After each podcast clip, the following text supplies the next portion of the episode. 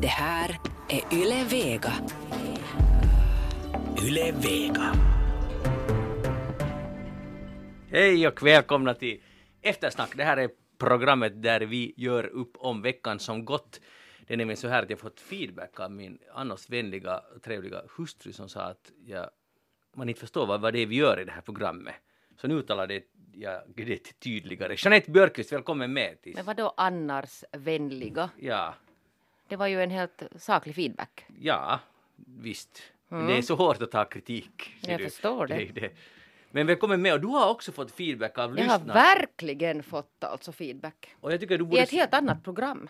du borde sluta tala sån här borgodialekt. Jag vet, det är helt förfärligt. Kan du alls? Det är förfärligt. Kan du tala borgo? Jo, nej, mycket lite. Men Det där, är det där borgo nu? No, det är nog borgo. Alltså jag är ju det där hemskt dålig på att tala borgo-dialekt. Men jag skulle ju förstås kunna försöka. Försöka. Många man har runda är. Ja, det är Sibbo. Alltså du har ju ingen aning. Du, Och du har ju bott min, där. Ja, men min mommo. Min mommo talar borgo. Men vad skulle Pirlax liksom, samhälle säga om det? Ja, de är jättestolta över mig i alla fall. Okej, Fast du talar sådär. Ja. Sån här borgospråk då. Vad du egentligen ville ha sagt att du, att du talar inte borgodialekt i, Nej. trots feedbacken du har fått. Nej, trots att jag är jätteirriterad, det har jag hört med min borgodialekt. Mm. Maria Waström, välkommen med idag till studion i Eftersnack. Tack. Hur mås det? Bra. Kan inte du bräka på på lite västnyländska? Ja, jag är inte heller så jättebra på det. Nu kommer det, jag har nog också hört att det kommer sådär mellan raderna så att säga ibland.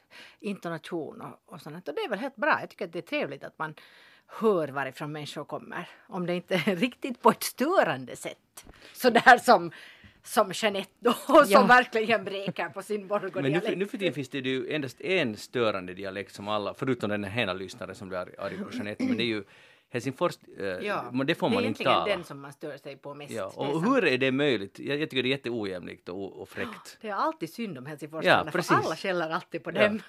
Och Och på helt- då? Ja, ibland också. Jag heter Magnus Lundén, programmet så Eftersnack. Vi ska tala om veckan som gått. Jag ska ta det viktigaste först. Det där, jag berättade ju förra veckan hur jag installerade en ny sån här termometer-app på min stuga, Lerhyddan i Pargas. Så nu vill jag bara eh, uppdatera er så att ni känner till att just nu, för fyra minuter sedan har senaste mätningen gjorts, så det är 2,1 grader utomhus ehm, i Pargas, eller det här är på Lemlaxön, och 9,8 grader inne i Lerhyddan. Jag var där alltså på onsdag i några timmar och eldade och sen dess har jag ju lämnat det ovärmt så att säga. Och det minskar då med 0,1 grader per timme. Tycker du, eh, Maria, som jag is- inte ens frågar Jeanette som inte vet något om stu, nästan någonting om stugliv, men tycker du det är okej att förlora 0,1 grader per timme? Det låter ganska mycket, men kanske Tycker det är du? helt okej. Jag- Ärligt sagt så där har jag inte någon uppfattning om, även om jag faktiskt värmer mitt eget hus helt med ved. Så Ja. jag håller på själv också och eldar och har mig. Ja. Men om jag skulle förlora så där mycket, ja. Hmm. Men se, jag har inte eldat där sen onsdagen. Ja, det är nog ganska bra. Jag, jag skulle nog frysa jäkligt. Ja, no, det skulle jag nog i och för sig där. Din lerhydda också på 10 grader. 9,8 för att vara exakt. För att vara exakt, ja, precis. Men, men det är ju, jag märkte det är nämligen skillnad för att på den här onsdagen så eldade jag några timmar så jag tror att väggarna inte hann bli riktigt varma. För att Ah.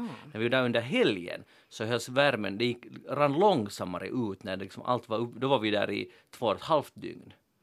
Så det här är ju det, det som gör det och så hur mycket måste du elda alltså då när du var där då?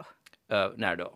Nå, under den tid du var där? Eller satt du bara en brasa och så var det Nej, nej, jag eldade nog eldade några timmar. Just Men det. det är en ganska stor volym där, det är högt i tak. Ja, det är nog spännande saker. Är du det- månne riktigt bra på att elda då? Ja, det är nog verkligen. Han är ju scout. Jag är scout är Ja. jag och, och alltså, du, du får driva med mycket med mig men inte med mina eld, eldkunskaper, där går gränsen. Det var bara en fråga. Ja men du ska inte fråga sådär, det är så provokativt. Bra, hej det är Stefan Löfven kanske blir statsminister, kanske. kanske. inte. Jeanette, vad säger du om det? Ja, jag vet inte, alltså jag tror ingenting före, före det finns beslut där från stackars, stackars Sverige. Men det kan ta några månader ännu. Ja, det de. kan hända att det blir ett nytt val också. Och det är ju intressant om det blir ett nyval och så blir ungefär resultatet på samma sätt. Vad gör de då? Men nu har de ju pratat också om att Mm. ta in någon som alltså inte då är liksom partiordförande. Jag föreslår att de tar in Leif GW Persson för han löser det mesta. Det föreslog du redan för en vecka sedan. Jag vet och de jag inte föreslår det igen. Borde det. jag ropa högre så att de hör? Mm. Konstigt om de inte lyssnar på eftersnack. Black Friday är här. Maria, har du shoppade i blod i den. Jag gissade att du skulle fråga den saken och därför tänker jag berätta. Jo, jag gjorde det dessutom igår köpte jag ett par gummistövlar på superreapris och det var jättebra och jag har inte alls dåligt samvete för det och jag tycker att det är jättebra att köpa produkter när de är billigare än vad de annars är. Mm, det svaret hade du inte tänkt att du skulle få va? Nej, jag hade att just så där kommer Maria Waström att svara. Att det där var ju helt förväntat. Ja, men, men det är bra. det. Hur är det med Jeanette med dig då? Nå, nej, jag hade där inte alls hunnit nu för att jag har vallat dig här på, på Yle hela dagen. Men jag har ju läst det där då att det är ju bara lurendrejeri det här med att, att det skulle vara nu så billigt. Att det är en sån här chimär som skapas och sen när man undersöker så är det fak- faktiskt så att, att de flesta priserna inte alls är så mycket billigare som man tror. Jo, men man måste ju vara lite prismedveten så att man nu vet vad det är man köper. Men ser du, de flesta går bara dit sen och tänker att det är stora fina svarta skyltar med orangea det är sant, texter och ja. så köper de. Och, och sen, alltså det är klart att det är ju helt hysteriskt. Det har aldrig någonsin varit så här hysteriskt som i år tycker jag. Åtminstone det har liksom blivit mer och mer för varje år. Eh, som går och det är ju inte bara den ena dagen utan det har ju varit hela veckan tycker jag, åtminstone flera dagar. Så, så visst, det, det är ju liksom, har ju helt runnit över alla breddar.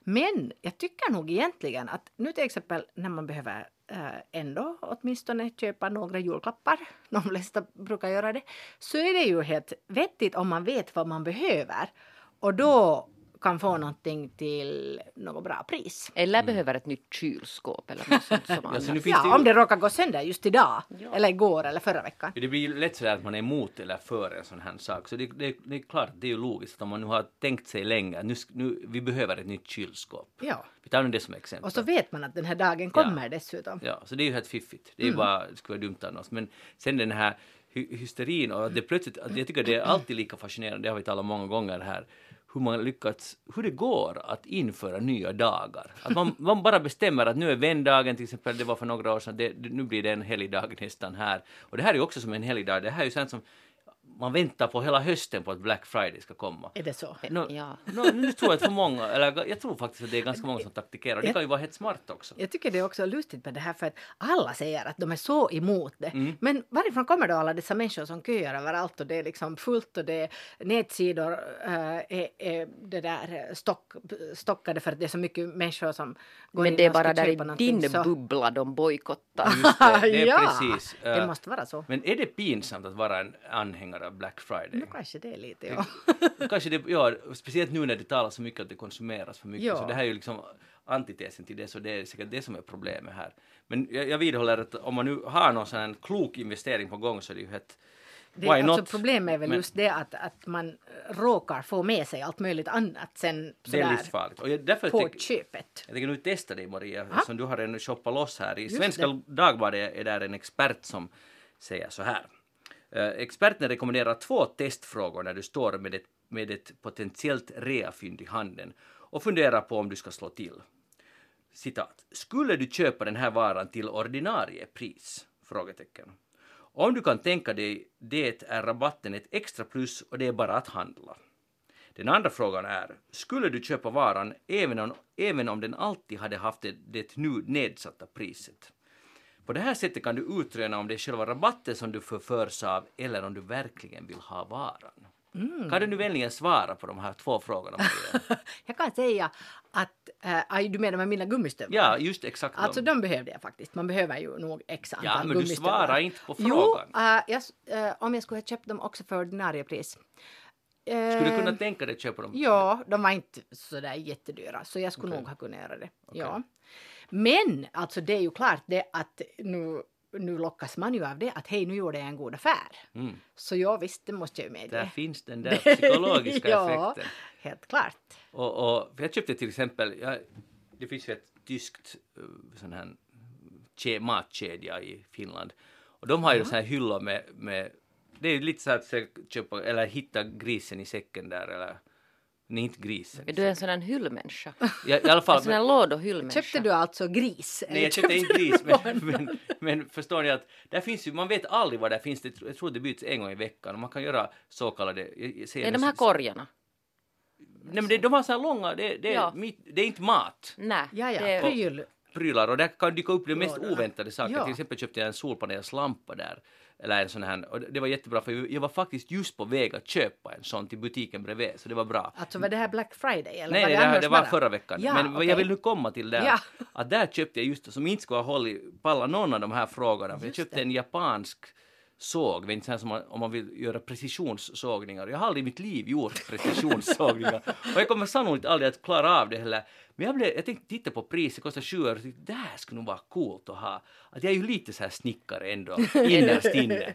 Men jag, nej, jag har blivit Djupt väldigt- inne. Djupt, alltså, om man riktigt tittar djupt.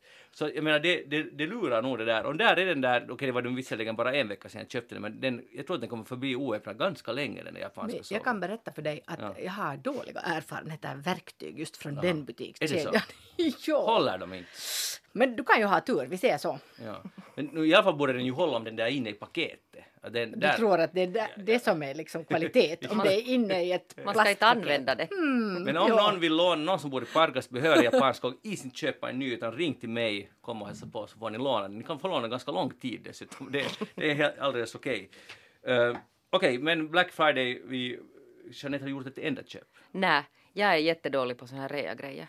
Re- Rea har aldrig fungerat för mig. Du köper hellre till fullt pris. Nej men ser du, jag tycker att det är så stressigt sen att gå där när det är så mycket människor och människor blir så buffliga och aggressiva sen när de ska, ska det där komma åt sina, som de tror, uh, reafynd. Aj, du är lite så här elit här nu. Du ser Nej, inte alls. ner på de här som Nej. de tror. Men jag har sagt att den här bästa dagen till exempel att gå till det här stora varuhuset som det inte går så bra för så det är ju alltså dagen innan de här gula dagarna. Där är inga människor. Nej, det, det är faktiskt tomt. Jag var där också en gång. Men det är också det att hälften av produkterna Men där är ganska intäckta. mycket inpackat också. Ja.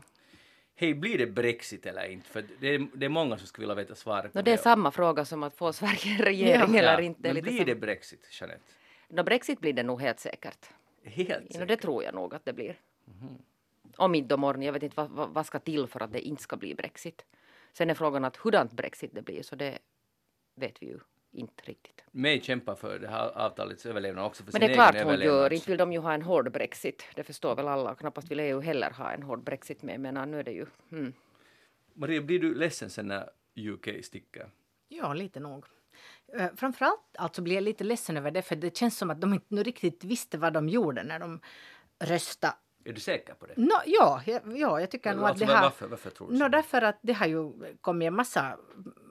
Jag har läst många artiklar där det har eh, stått att, ja, att, att om det nu till exempel skulle vara en ny omröstning så skulle, skulle resultatet bli annorlunda. Och att människor inte riktigt förstod vad de röstade om. Och det är kanske det som jag tycker att är ganska sorgligt här. Att man, det var nu en sån känslomässig omröstning där man tycker att nej, nej, att jag vill inte vara med för det här är orättvist.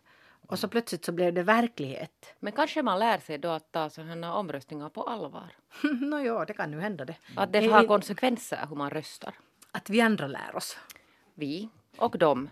Det är nog en bra fråga det där, för det är ju den bilden man har fått att eh, Dels så var det ju extremt mycket populism i den där omröstningen att, och presenterades lösningar som alla visste stämde, eller de som gick ut med visste att det inte kommer att stämma, men det lät så jättebra om, om, om hur sjukvården kommer att prioriteras och vi kommer att få massa pengar till sjukvården till exempel, eller, eller vad heter det, invandringspolitiken kommer att förändras och, och, och så vidare. All- Alla möjliga sådana saker som kanske inte alls kommer att bli- gå så. Och sen också vad det innebär att faktiskt stiga ut ur EU med för handeln och för ekonomin. Så inte kommer det här ju alls fram. Och för gränserna. Och för gränserna förstås. Och, och jag tror att egentligen så en annan sån här negativ sida eller konsekvens av det är också det att nu alla de här människorna som känner sig eh, missförstådda och att de, inte, eller att de hade helt enkelt inte riktigt förstått vad det handlar om. Så deras politikerförakt till exempel kommer ju att stiga ännu mer i höjden. De trodde ju på det som någon sa sådär som en slogan att hej det här är en jättebra sak och, och de så att säga gick på det. Och nu då efteråt så månne inte nu leder till att, att man tänker att no, inte var det ju alls så där som ni lovade. Mm. En positiv sak med de här förhandlingarna är väl ändå att för det har ju gjorts ibland jämförelser mellan Sovjetunionen och EU, att, att man kan inte lämna unionen och, och så vidare. Men där sitter de ju ändå i princip, eller inte i princip, utan på riktigt vid handl- för förhandlingsbordet och diskuterar och försöker få ihop ett avtal under fredliga omständigheter vill UK lämna det här. Och det har ju inte visat sig vara lätt och säkert har det spelats fult från båda sidorna. Men ändå är de, det finns ett avtal, de är på väg ut och det gick fast det var svårt att genomföra. Så jag tycker det här i liknelsen med Sovjet, jag förstår att det, det är väl få som gör den liknelsen, men det görs bland populisterna. Att så här, så det här är helt som ett nytt Sovjet. Och det är ju inte sant ändå. Så att det där, och sen den här känslofrågan, att jag, jag försöker tänka att vad är det att vara europé? Och ingår det att vara europé, alltså att man hör till EU? Och ingår då i så fall också UK, att blir, det, blir vi liksom mindre, vi blir ju mindre, men känns det så att känns det som att nu en viktig del faller bort och där EU-huset börjar ramla ihop?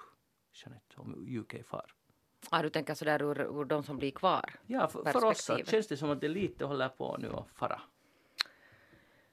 Nå det där, jag sörjer ju stort att, att mitt gamla hemland där jag har bott lämnar EU men inte vet jag sen det där, det kan ju ha alltså två följder. Endera det att man börjar, börjar betvivla det här och tänker att det börjar rasa ihop eller sen helt tvärtom. Mm.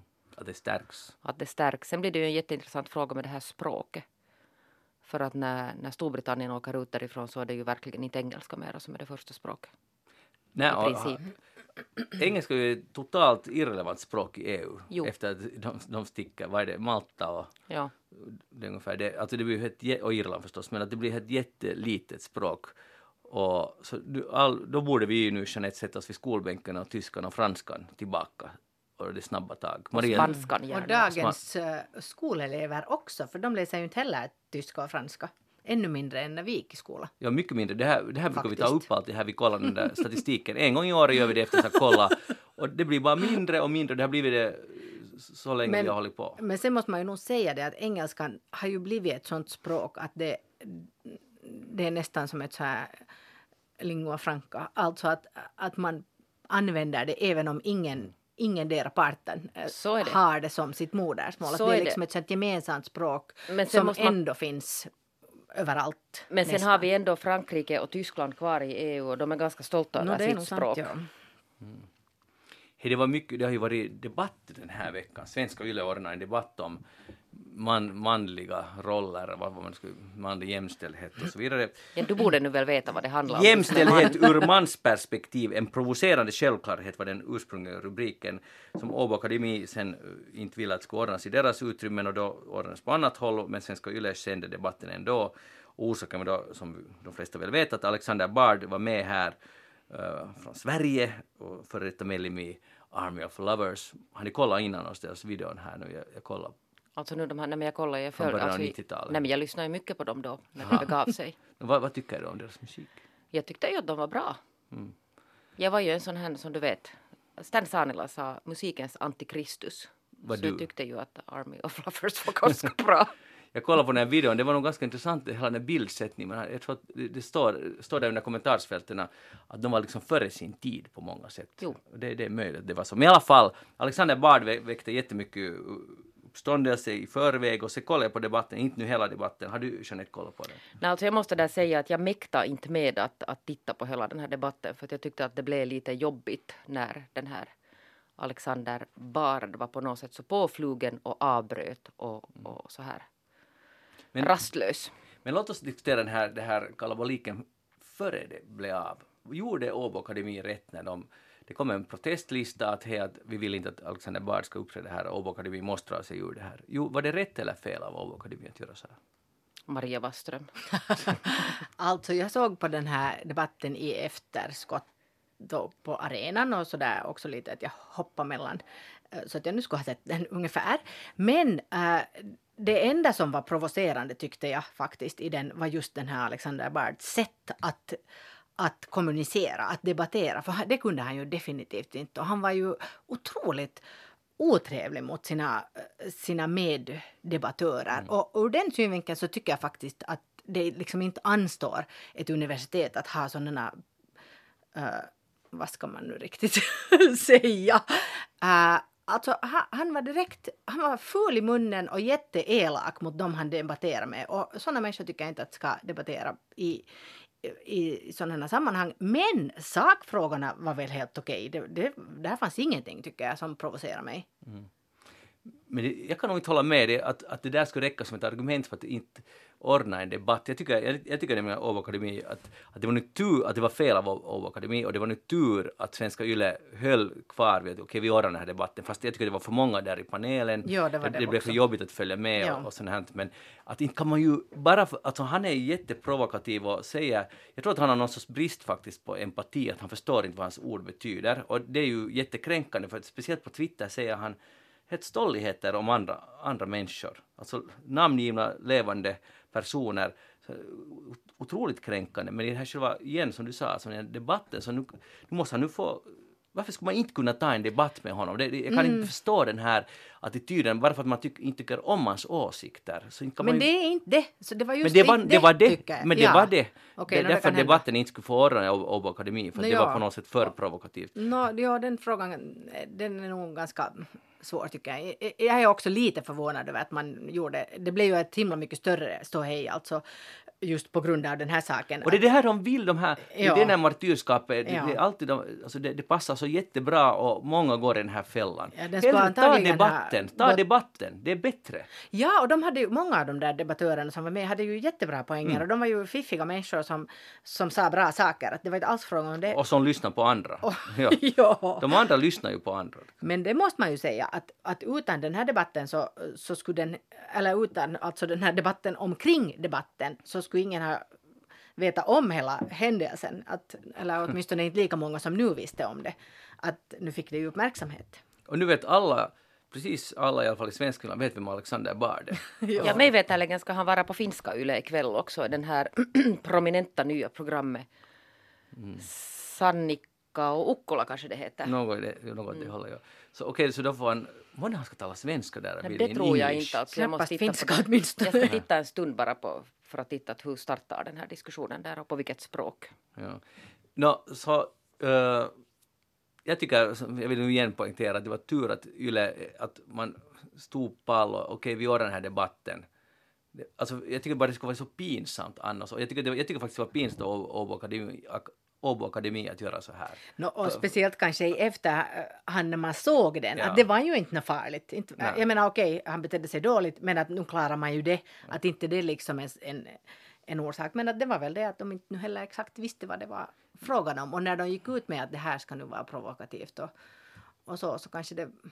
Men sen måste man ju säga att, att i Åbo Akademis försvar, så i det skedet så var det en annan debatt som var planerad. Det var inte de här samma deltagarna, så konceptet var kanske lite annorlunda, men ändå. Så måste man kunna ta en debatt. Nåja, det var nu vad jag tyckte. Hej, vi- jag läste på finska Yle en, en kolumn av, av Päivi Happonen. Päivi Happonen det där som skriver om det här när man får böteslappar när man, man blir fast för fort eh, i stolpen. hastighet, man kör för snabb hastighet med sin bil och så smäller kameran till och så och hon tar ett fiktivt exempel, till exempel att först kör dottern för snabbt en på morgonen i en bil, i familjens bil och sen samma eftermiddag kör modern i bilen, kör för snabbt och sen kör pappan lite senare och däremellan har han hunnit betala bort dem. Pappan naturligtvis betalar var räkningarna i den här familjen, betalar bort två böter, tittar inte på dem och sen får han sina böter långt senare, några månader senare betalar han bort det och sen får han en meddelande från polisen att nu, har han,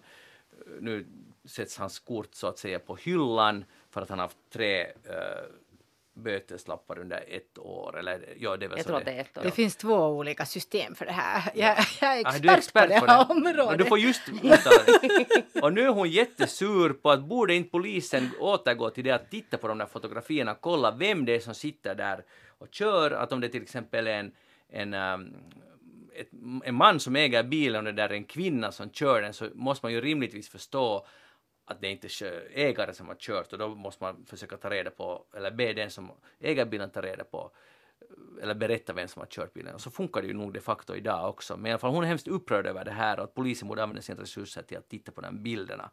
Att, så att det inte skulle kunna gå så här i misstag att man förlorar sitt körkort. Kvalitativ hastighetsövervakning eller Ja. något sånt. Jeanette, vad tycker du om det här? Nå, det där. Jag tänker ju så här, nu har jag ju råkat ut alltså för det när jag har varit i Pargas och kört och så var det någon annan som körde min bil. Det var visst en journalist som är stationerad i Det var visst en journalist som var stationerad, så var det. Och hon tog alltså en sån här kamera där och då, då gör man ju vanligtvis så. Det kom ju åt mig det här beskedet naturligtvis. Och jag gjorde en korrigeringsyrkan och allt var frid och fröjd. Och det är ju otroligt enkelt att Det göra var inte särskilt svårt. Nej. Det kom på, på nätposten och sen bara fyllde jag i och så slutade sen på ett annat sätt. Men den, den belastar alltså inte mig. Så, det där, så jag förstår inte riktigt den här idén. Jag tror det var nå det var nå hiskeliga mängder alltså sådana här kamera eh, övervaknings sådana här böter som det kommer per år. 280 000, 280 000. Enligt, enligt den här kolumnen i alla fall. Och det där och då tänker hon ju som så att det där, det tas ju en bild alltså då förstås varje gång det vet alla det blinkar. Att polisen borde sitta, alltså det är någon sån automatiserat system tror jag, att, att systemet liksom bara skriver ut och sen skickar iväg alltså de här böteslapparna. Att polisen borde istället sitta och titta på varje bild, 280 000 bilder sa du. Och titta på den och titta att stämmer det här fotot med, är det Magnus Londén här, är det en man eller är det Jeanette Björkqvist som har kört hans? Och kan det, kan är det Magnus Lundén eller är det hans son eventuellt? Och då måste man försöka urskilja hur gammal är nu borde Magnus Lundén vara och, kan, det faktiskt vara den här gamla gubben som kör eller är det, är det här någon yngre generations Jo, Lundénare? och det måste jag säga att det känns ju nog som att, att det skulle nog vara lite att det där slösa polisens resurser. Sen har jag någon liten åsikt kanske om de här, själva den här idén med att man ska kameraövervaka men det ska vi låta Maria säga. Men, men får var jag expert först. Jeanette, först att, att det har tydligen tidigare varit så att man har bläddrat bland bilderna och tittat. Jo. Men det låter ju helt huvudlöst. Jag tycker det funkar så bra som det är nu, alltså tillräckligt bra. Men det fanns väl inte lika många sådana stolpar tidigare. Nej. De har ju utökats alltså massor de här senaste åren. Det var ju ett år som det var någon kvällstidning som skrev om att var det 95 procent av de här var tomma. De är inte tomma för kameran förflyttar sig. Eller de varierar var kamerorna finns. Ja. Stolparna står tomma. Men Maria, jag har då en expert här i Ja, studion ja, som vill diskutera Eh, Jag har också nog lärt mig av mina misstag här. Aha. Just det här att det är väldigt viktigt att man, man tar på sig skulden om man råkar vara skyldig till Ja. någonting. Om det är flera som kör samma bil. Ja, uh, nå, eh, vad skulle jag säga? Ja, egentligen tycker jag ju att det är den där gränsen som är ganska... Man får ju böter redan, alltså är det sju kilometer i timmen över den här hastigheten. Så det, Ja. det har ju också säkert gjort att den här mängden av, av alla eh, som blir fast så att säga har ökat Och explosionsartat. tre kilometer så kommer det redan en sån här Varning. varning. Ja, men kommer sån det här- såna? Jag, jag har fått det så, en, en gång. Jo, en sån. men det är ganska länge sedan. Jag tycker Ja. Nej, jag har för fått- kommer det genast ett, Jag har en fått för bötessumma. inte så länge sedan en Är sån här så? tre Okej, kilometer. okej. Mm. Ja, men jag menar de är jättenoggranna med det där och ibland kan det ju nog kännas som att oj när det är fint före och, och sådär att, att och ingen trafik att måste man Måste man. Men ja, det är klart man måste. Man måste följa reglerna. Det är ju jätteviktigt. Men lite irriterande. Så det här landet är byggt på lag. Jo, jag har märkt det. Ja. Jag har märkt det. Och, och du skulle vilja att det skulle inte gälla alltid just för dig No, under no. vissa omständigheter. Jag, jag tycker att man ska, man ska liksom vara lite så flexibel. Just det. Tycker du det om alla lagar eller är det just den här lagen? Nej, nu ska vi inte gå in på det här. Men Nej, visst, det är just det här vi ska gå in på. ja, jag kan berätta att, att min man alltså Mm. har fått faktiskt tre sådana äh, lappar och del, en är alltså på grund av mig. Och sen fick han ett sånt brev att om du nu inte sköter dig Mm. så så kommer du att få kortet på hyllan. Så att, att vi kör alla jätteförsiktigt nu i vår familj. Alla båda. Men då har ju lagen haft en effekt. Just Ni, det. du sa att ni, nu kör vi försiktigt. Ja, precis. Jag har alltid kört försiktigt. Men nu kör du ännu försiktigare. Ja, och just sådär väldigt enligt reglerna. Ja. Jag tycker att, att man ska kunna nog köra, man ska köra vettigt och sen när det är dåligt före då måste man se till att man kör sakta. Mm. Det är en fin tanke men jag undrar om det funkar. Nej, men det där med dåligt före säger ju polisen att det är den bästa hastighetsövervakningen är dåligt före. Då kör nog människor.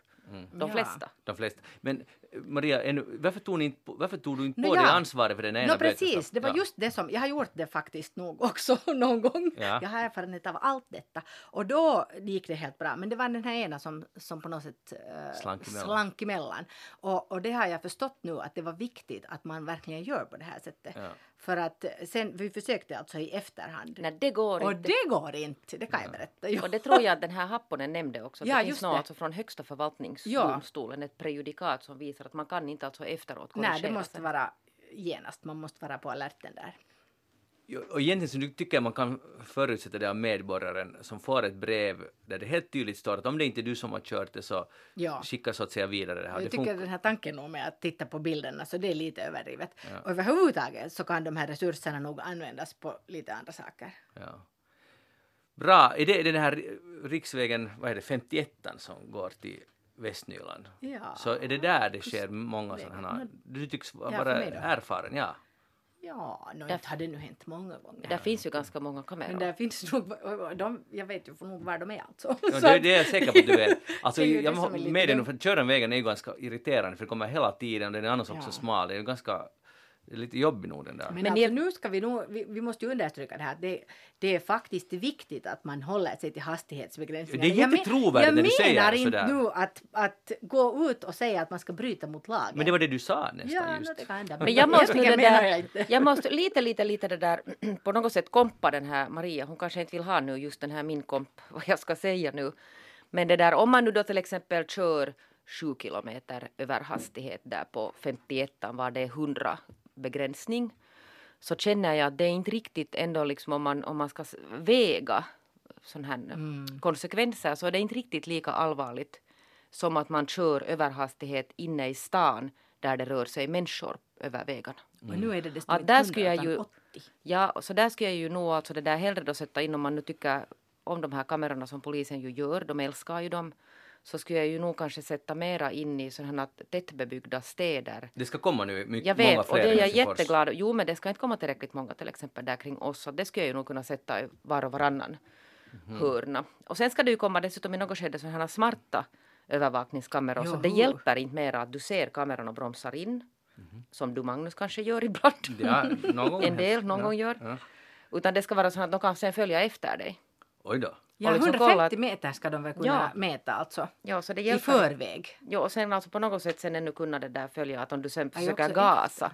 Men, och det här är ju bara början för sen kommer de att kunna läsa vet ni, 10 kilometer Men- bakåt och framåt. Men alltså i ärlighetens namn så, så det är, ä, överdriven äh, fortkörning är ju på riktigt jättefarlig.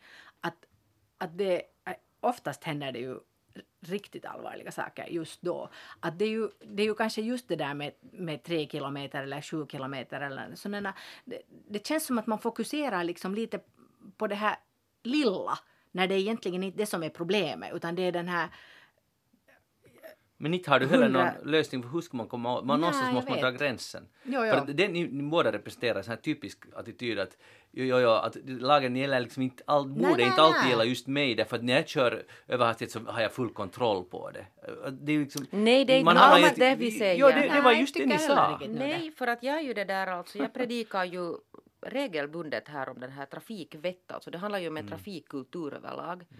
Men jag menar var alltså när jag, när jag nu ändå bor i stan och jag har ett barn och jag rör mig här, så nu är det ju här som man ser de här farosituationerna och inte om Maria Waström nu kör hund- 87 kilometer på en på en stor sträcka. tom väg där det inte finns alltså varken en mötande bil eller någon annan i närheten. Men det är klart Men- om, om ni presenterar så där, jo det är ju sant. Men hur, ni har inte heller sagt Men man hur skulle man övervaka det? Man, man måste ju dra gränsen någonstans. Åtta. Åt, aj, åtta, åtta, åtta kilometer till. Ja. Så, Men förr i världen var det ju, vad vad var det månne? Var det Det var skulle ha lite varit mera något då. 12 eller något sånt här. Ja, det kan hända. ja, det var bättre förr. Jeanette Björkis, vad har du tänkt på den No, senaste hör du, alltså jag har också tänkt på sådana på tal om dagar som plötsligt bara dyker upp och sen, sen så, ska det, så ska det där bli en sån här sed. För idag är det då tydligen tredje gången Finland också, eller i alla fall en del av Finland ordnar någonting som heter då ungefär äh, ta barnet med på jobbet eller något sånt här. Och det här är någon sån här importprodukt som, som jag, det, det, det, liksom, jag har sett det komma, komma och gå i rubriker. Jag har aldrig riktigt på det sättet alltså fäst uppmärksamhet och tänkt att det här är nu bara sånt här tjafs igen som ingen bryr sig om. Men nu har det då visat sig att, att de faktiskt alltså hårdlanserar det här och det här är då alltså tredje året och nu är det 800 arbetsplatser med i det här och så såg jag på sociala medierna plötsligt var det någon diskussion om, om en skola där det bara var två elever på plats att alla andra hade fått gå med mamma eller pappa på jobb. Att det här är nu någonting som, som det där säkert är på kommande och, och ska köras igenom och göras alltså till någon tradition här. Och den som driver starkast på det här är barnombudsman Tuomas Kurttila. Eh, och nu såg jag dessutom på Yle fanns det någon rubrik på, det fanns en bild också, Jari Lindström, arbetsminister, hade besök av en massa säkert riksdagsledamöters barn på besök i riksdagen. Eh, och det där, och jag, alltså, jag, jag förstår inte det här överhuvudtaget. Sen försökte jag reda ut att vad handlar det här om? Att varför ska man nu liksom just den här dagen då ta med ett barn på jobb eller sitt barn på, på jobbet? Och det här förklarar då Kurtila äntligen så att jag förstår att det är liksom med tanke på barnets utveckling en stor fördel att tidigt bekanta sig med arbetslivet. Det här är då alltså motiveringen. Plus alltså det då att, att det är så hälsosamt och sunt för barnet att se var eh, hens viktiga vuxna tillbringar sina dagar. Och av den här orsaken så lanserar man då någon sån här jippo där barn ska dras med på arbetsplatser. Och jag tycker nu att det här är nu jättekonstigt. Ja. Jeanette, är du emot det här bara för att du nu vill vara emot någonting? Eller kan, du, Nej, kan du motivera varför du är emot det här? Nej, alltså jag förstår bara inte liksom riktigt den här idén. Alltså jag har försökt, sådär, försökt greppa att, att vad är det här alltså egentligen frågan om? Och, och jag, jag får alltså inget grepp om, om nyttan av det här. Jag menar om man till exempel vill, det, det sägs, nu, man kan ju säga att, att jo, men nu tar vi barnen med på jobb så att arbetsplatsen blir mer familjeflexibel och det funkar nog. Det tror jag nog inte att det här är någon lösning på överhuvudtaget. Och jag har ju alltså det där, jag har ju varit av nöd tvungen att råda med mitt barn på jobb alltid då och då. Andra dagar. Och, och där kan man ju alltså till exempel då visa flexibilitet men det är ju inte så där att man kan hämta med barnen just den dagen när det inte passar att den kunde gå till skolan för någonting och, och så här. Att det är nog den här ena specifika dagen då. Men är tanken att eh, föräldrar som har jobb ska ta sina barn till si- sina egna jobb eller ska Jo. barnen fara till någon kompis jobb? Nej, nej. Alltså, Till sitt eget till, jobb? till förälderns jobb. Aha. Så jag undrar var dina barn är idag. Mm, Jag har ett sjukt barn hemma. Och sen kan jag ju säga dessutom att det finns, jag, jag har inte lyckats heller riktigt kartlägga att, att vad talar vi nu om för åldersbarn. Att kan man hämta till exempel då sin 22-åring med sig på jobbet. Nu får du säkert göra Men ni det. förstår ni att, att, att det, det är lite så här att det, det, det har jag inte riktigt ännu kanske lyckats. Men jag Sen misstänker... har ju inte alla heller. Nej, Alla föräldrar kanske jobb och det kan ju bli problematiskt. nej, alltså exakt. Förlåt, vad tänkte du säga? Precis just så. Plus att det finns alltså massor med sådana här frilansmänniskor till exempel som vi som nu inte varje dag går till ett jobb utan man kanske går någonstans och sitter och skriver. Och, Kom vad- på café idag. Ja, oj vad barnet blir glatt. Ja. Titta här när mamma Men- sitter och men- tittar på datorn. Alltså på något sätt så, så kan jag ju tänka att om människan tillbringar så många timmar av dygnet ändå på jobb, att kanske det inte är så dumt om, om barnet vet lite vad, vad föräldrarna sysslar med och kanske den här diskussionen vid middagsbordet är lite lättare att förstå sig på om man, om man har någon slags inblick i vad den här föräldern egentligen jobbar med. För en massa jobb är ju ganska svåra att förstå vad det egentligen handlar om. Kanske man inte ens gör det om man är en dag med men, men det där, jag tycker nog att egentligen så låter det som en helt bra idé. Men man har ju också sen förstås prao-perioder. Jo, och det blir lite problematiskt för det finns alltså utöver det att, att massa människor har sådana här atypiska arbetsförhållanden så finns det ju människor som inte kan ta sina barn med för att de har alltså helt enkelt ett sånt jobb att, att det nu inte bara går. Mm. Jag har svårt att se att den här operationssalens personal till exempel släpar in alla barn dit och tittar på när kirurgmamma Nej, opererar. det. Men, no, ja, men nu, ja, jag tycker nog, nu är ju idén på något sätt, för det första, Tuomas Kurti brukar ha helt bra tankar, tycker jag. Och så om vi nu tänker positivt här, så nu, som Maria sa, så tycker jag det är ganska bra att barn vet vad ens föräldrar Men det kommer aldrig att med. omfatta alla barn det här. Nej, nej, men jag tycker bara nu så här teoretiskt att jag, jag, tror att det kan nog vara helt bra. Men sen är just frågan, ska det nu göra så här som en riksomfattande tillställning och då kan det ju just bli problem. Sådana som inte har jobb eller något, så det kan ju bli ganska ojämlikt och ganska problematiskt. Men Men, jag men, att... men jag menar, man skulle istället kunna uppmana föräldrar att visa dina barn vad du gör på dagarna och tala om det du gör. Nu är det, ju, det är ju helt bra för familjegemenskapen och allt möjligt. Att, och det kan leda massa vidare diskussioner kring middagsbordet och så Men vidare. jag funderar till exempel att det där kan alla lärare och assistenter i en skola då ta sina barn med dit. Ni, Ja, det, det är ju inga andra barn där. Att det blir, det, blir alltså det, det, det, det, det liksom finns så många sådana saker som bara kan slå fel här nu. Ja. Skulle du, uh, ja, Maria, hur skulle du göra om du skulle få, få det här uppdraget? Alltså jag har ju mina barn med mig regelbundet. Både, nej, alltså inte när jag jobbar som journalist men när jag jobbar som jordbrukare, ja. Mm.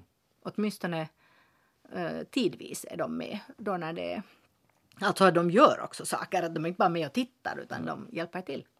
Det är bra. Och jag, jag tycker nog att det är helt smart på det sättet, men det, det här är en så här riksomfattande dag så Ja men jag Men- säger bara att hörni, ni ska veta att det här är på kommande alltså det är helt hård säkert. Alltså för det, Det är som Black Friday, Det är snart som har Black vi Friday. barnen på jobbet. Hur många dagar, så här specialdagar ryms det in på ett år egentligen? Ja. Det börjar man ju undra. Nå, eller hur? Maria vad har du tänkt på den här veckan? Ja, den här veckan har man ju inte kunnat undgå att tänka på skogen, eller hur? Mm. Då under veckoslutet så var det ju väldigt mycket diskussion om eller vad ska vi säga, fniss och skratt åt den amerikanska presidenten när alla tyckte att han inte förstod sig alls på skogsvård, vilket vi i Finland ju gör minsann, för att vi vet ju alla att man inte krattar skogen. Men jag tyckte att den här debatten blev alltså helt jätteolustig. Och jag tycker att den var så... På något sätt gav den en, en hemskt så här otrevlig bild av oss finländare. Att vad står vi här och, och liksom tror oss veta hur skogen sköts? För det är ju trots allt så att de flesta inte överhuvudtaget känner till hur man sköter skog i Finland. Nog kanske det att man inte krattar den, men de facto så visar det ju sig nog sen ganska snabbt att rake behöver ju inte betyda kratta, utan det kan ju betyda att man, man det där, tar bort hyggesrester från, från skogen när man har avverkat. Och, och det är ju de facto så man gör i Finland. Och, och de här Utsagan också att vi har inga skogsbränder för vi har eh, årstider och det är så vått här. Det är inte det är ju heller sant. Nu vet vi ju alla att det var åtminstone i Sverige liksom jätteomfattande skogsbränder. Och, och det hade nu definitivt inte med eh, att göra att, att det är vinter på vintern och snö. Att det var så mycket som på något sätt visade i den här debatten att finländarna har överhuvudtaget heller ingen uppfattning om skogsvård eller, eller liksom eh, kunskap om skogen längre, fast vi tror det. Och jag tycker att, det var så, en sån överlägsen attityd och, från oss finländare överallt. Alltså jag tyckte det var nästan otrevligt. Att varför skulle vi sänka oss till den här samma låga nivån som, som president Trump håller på med. Och, och alltid kritiserar vi honom för hans låga nivå. Och sen plötsligt så hittar vi oss själva där på, på samma nivå. Var det nu inte så att, att det var fru Obama som sa i något skede att när, när andra go low så ska vi go high. Men, men vi har nu helt tydligt inte lärt oss det utan samma, samma liksom kränkande inställning. Jag tyckte det var jättedåligt. Men Maria, vem var nu offer för det här, det här, den här attityden som du berättar om? Vem, vem, var mottagande part? Nu var, alltså det var ju Var det Trump? Trump, ja. Men Trump Men- hade ju de facto rätt. Han, Ja. han, han, egentligen så... Ja, han hade så ju, hela, på ett sätt, på, ja. Ja, på ett sätt var det ju helt Ja, så men alltså jag menar den här attityden bland oss finländare Mm. när vi var så överlägsna och tyckte att herregud, han kan ingenting om Finland. Han tror att vi står och, skratt, och krattar här, Mm. skrattar vi. Vilket de facto han nog knappast ens trodde. Att man ville liksom missförstå. Knappast var det det som han avsåg då. Jag, inte vet jag, han säger ju en massa idiotiska saker. Men den här saken hörde kanske faktiskt inte till dem. Och då genast när man får ett tillfälle så nappar man på det och, och tycker liksom att nu ska jag läsa lusen ur. Men är det inte ganska typiskt för jag tycker att det är ofta i debatten som man ärligt tror att vi har det bäst och det här är det enda sättet att göra saker som vi gör i Finland. Och just det här, man inbillar sig att vi, att vi är bra på att sköta skog fast vi kanske gemene man och kvinna kanske inte alls är det eller vet ingenting. Men fördes det faktiskt alltså en seriös debatt om skogsvård? Nå, Var det inte mera den här sociala medier, den här Nej, att man börjar fota sig själva när man krattar skog? No, jo, Det blir liksom en antagligen. vits. Men att, att, att det att man liksom skrattar åt det att, att han säkert trodde att vi står alla där och, och, och krattar i skogen. Vilket- Men vem blev nu kränkt av det här, förutom Donald Trump? Jag menar, det var väl inte så farligt? Det, blev, det var ju en humorgrej, en typisk som en grej. Och sen fotar man just det här, ja. krattar i skogen och hehe, de förstår ingenting. Menar, Ja, men det var ju att man missförstod med flit alltså. Mm. Nå, kanske inte helt med flit, för man trodde då att rake, man tittar i ordboken, aha, rake betyder att kratta. Och så kratta löv. Alltså i alla fall först. Mm. Ja, nå, och, och det är det tacksamt att göra sig, för att alla, är ju de flesta tycker att Trump är en fjant, så, så vill man nu, sen, sen var det lite snopet när han de facto hade rätt. Ja, att ja, det var ju det. Men eh, ska vi, ska vi ta skogsdebatten istället? Är Ja, vad är det, alltså vad är det nu? kolsänkor Berätta, menar vad är? Eller vad nej, talar du om? nej, när säger att vi tror att vi kan skogsvård i Nej, Finland, nej, jag men, men vad, är, vad är det till exempel Jeanette och jag inte, inte vet? Nå, som vi ah, borde? nå, det att, att jättemånga gick ut och sa i det här sammanhanget till exempel att, eh, att, det var liksom påhittat det här. De facto så är det ju så. Det, det här med, med att man tar bort de här hyggesresterna. Jag tror att de flesta människor inte känner till att det är någonting unikt som vi gör här i Finland. Att, det, man- att, att toppar och det som kallas för grot, att man avlägsnar det efter efter avverkning. Vad är grot alltså? Alltså toppar och grenar och sånt som kan bli energived. Och är det någon sorts, eh, Alltså man gör det, grenar. Det jag, förstår, jag förstår vad det är Ja, nu. Men Man, man gör det för att få flis eller gör man det för skogsvårdens skull? Förstår Och du? säkert både och. Men Mm. att man kan ju använda den här flisen till det. Och nu var det ju efter de här skogsbränderna i Sverige i somras så var det ju någon nog som tyckte att, att eh, orsaken till att vi kanske inte har lika mycket skogsbränder i Finland, no, det fanns säkert många saker som, som var orsaken till det, men delvis också det här att vi har eh, att man gör det här och att man uh, kanske har eh, större skogar som är liksom sammanhängande i, i, i Sverige än man här, här är det mera sådana här små, små skogar som, som kanske är eh, alltså mer som ett lapptäcke och till exempel att i Sverige så är alla träd samma ålder på ett stort område. Och Att det finns liksom skillnader mellan, mellan skogen, alltså mellan ja, och, och skogsbruket och hur man, hur man det där um, sköter skogen. Och att det också nog har en betydelse, faktiskt. Men Jeanette, känner du dig träffad? Nej, inte egentligen med det där. Då, hade, då har ju finländarna orsak att vara lite överlägsna. Jo, jo, alltså men inte, att alltså när det, inte, ja. inte fastna alltså vid den här krattande. Ja, för ja, det var ju alltså bara ett, ett sånt här Nej, skämt. precis, men man Men lyfter menar fram det fel saker kanske. Ja, ja, men att man kan vara stolt över skogsvården. No, det, det tycker jag absolut att man kan. Men eh, eh, det var mer alltså den här attityden som att, att vi vet alla hur det är i Finland och sen vet man egentligen inte heller. Jag För var att ju de flesta har ju den inte här... en, en naturlig koppling till skogen längre. Så jag var bortrest när det här flammade upp så jag har missat alltså Ah, vad som egentligen hände här i det här landet och hur mycket det, hur stort det, här nu egentligen var, om det alltså var. No, nu var det, alltså, ja, det är ju just det att äh, på ett sätt, ja, när man får sin, sin chans så kan man göra en sån här rolig grej av det. Men det blev ändå lite så här platt fall när det, när det också samtidigt visar att no, inte, inte vet vi nu så hemskt mycket vi heller. Vi har mycket att lära oss, Jeanette. Men jag är ju tror- uppvuxen i Jo, skogen, men ja. du, du kommer inte undan med det där, för du vet säkert ingenting kan inte ens om tala skogsvård. borgospråk. Nej, exakt. nej, förlåt, jag talar ju jättegrov borgodialekt. Ja, det på jag vem man frågar. Hej, då ska jag, jag ska, eh, Maria, liksom gratis bjuda på ytterligare okunskap från en stadsbo. För att det där, och, och man får gärna göra sig lustig över det här. Ja, för jag, jag var då där i, i, i vår stuga i Pargas då och, och det där, förra helgen var vi där och så såg vi att det fanns en mus hade kommit in Oj. Antingen via avlopp, det var lite, jag hade inte riktigt tätat det ordentligt, eller så kom den helt enkelt genom dörren. Men, men, men i alla fall, för vi hade öppet ganska mycket. Nå, så var det då en mus då i köksskåpet och, och, och det var inte alls bra. Nej, det förstår jag. Nå, men sen hittade vi inte mer och det hördes inget krafsande och ingenting så vi skippade nu saker. Vi har, vi har sådana, vet ni, som piper. Ja. Och vi har två sådana, bland annat en gång så är det i princip musen promenerar lugnt över, över den där pipgrejen Okej. nästan på så här 10 centimeter så det tycks inte vara så effektivt. Anyway, så kom jag dit då på onsdagen och så ö, öppnade jag skåpet så såg jag en svans där i skåpet så var jag aj, aj, aj, nu är musen här. Och så så fick jag först lätt panik men så tänkte jag att jag är ju en man naturligtvis och jag ska då fixa det här.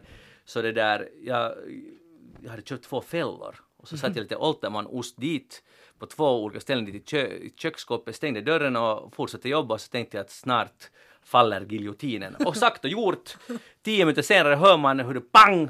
Jag flög i luften för jag liksom, hade glömt bort däremellan. Och jag har alltid trott att, att det är liksom omedelbar död för musen. Att den liksom, dit for det och det är smärtlöst och, och det är bra effektivt. Men alltså, det var en dödskamp där inne i det där köksskåpet och den, den, den kastade sig av och an med den där giljotinen hängande i halsen och det lät så brutalt och Alltså, och jag, vet- vad jag vill säga, att jag fick morkis för att, Oj, för att jag nej. dödade den här musen. Och den kämpade där i ungefär i, jag skulle säga 35-40 sekunder, helt hysteriskt inne, inne i det där eh, köksskåpet. Och då kände jag att var det här nu nödvändigt? Jag dödade min egen husmus. Men dog den så snabbt? Alltså jag trodde att de dör, dör direkt. Men den dog alltså, sa du, 30, alltså under en minut? Jag shakade den där och kastade sig omkring med den där giljotinen hängande. Och så gick jag, sen lät jag det liksom like uh, kylas ner och kanske några timmar senare öppnade jag då och så såg jag, fattar den hade ögonen öppna ännu och munnen liksom inne i den där Den gnag tänderna fast i den där osten och giljotinen där på. Där låg den där musen. Hade den fastnat alltså på rätt ställe så att säga? Att, att, eller var den på något sätt snett sådär? Att det var därför som den inte riktigt dog Då- genast? nu, nu ska jag säga, för det så, den var där liksom i nacken. Det där, Ah, jo. den Är där. det inte så att i skulle princip så borde nog. nacken slås av där? Ja, men Ja. den här, den här snacket var i så fall en seg nacke. Den höll, höll ganska länge. Eller en dålig fälla? Eller en dålig, för nu ska jag vilja veta av lyssnarna, att är, det, är tanken att det ska vara en omedelbar smärtlös död eller är det, är det ett tortyrvapen? Det här? Skulle det kännas bättre om den dog genast för dig? Nå lite och ja, det skulle nog faktiskt känna. För det här kändes nog lite onödigt att jag, jag var ansvarig för det här. Men jag har ju andra, andra sidan, om man tänker nu, det enda jag har gjort, jag har ju inte skjutit några älgar, alltså, däremot har jag nog ätit älgkött ganska mycket. Så att det här visar ju det här vad jag ville nu bjuda på, det här är så som det går, Maria, man inte vet hur det är.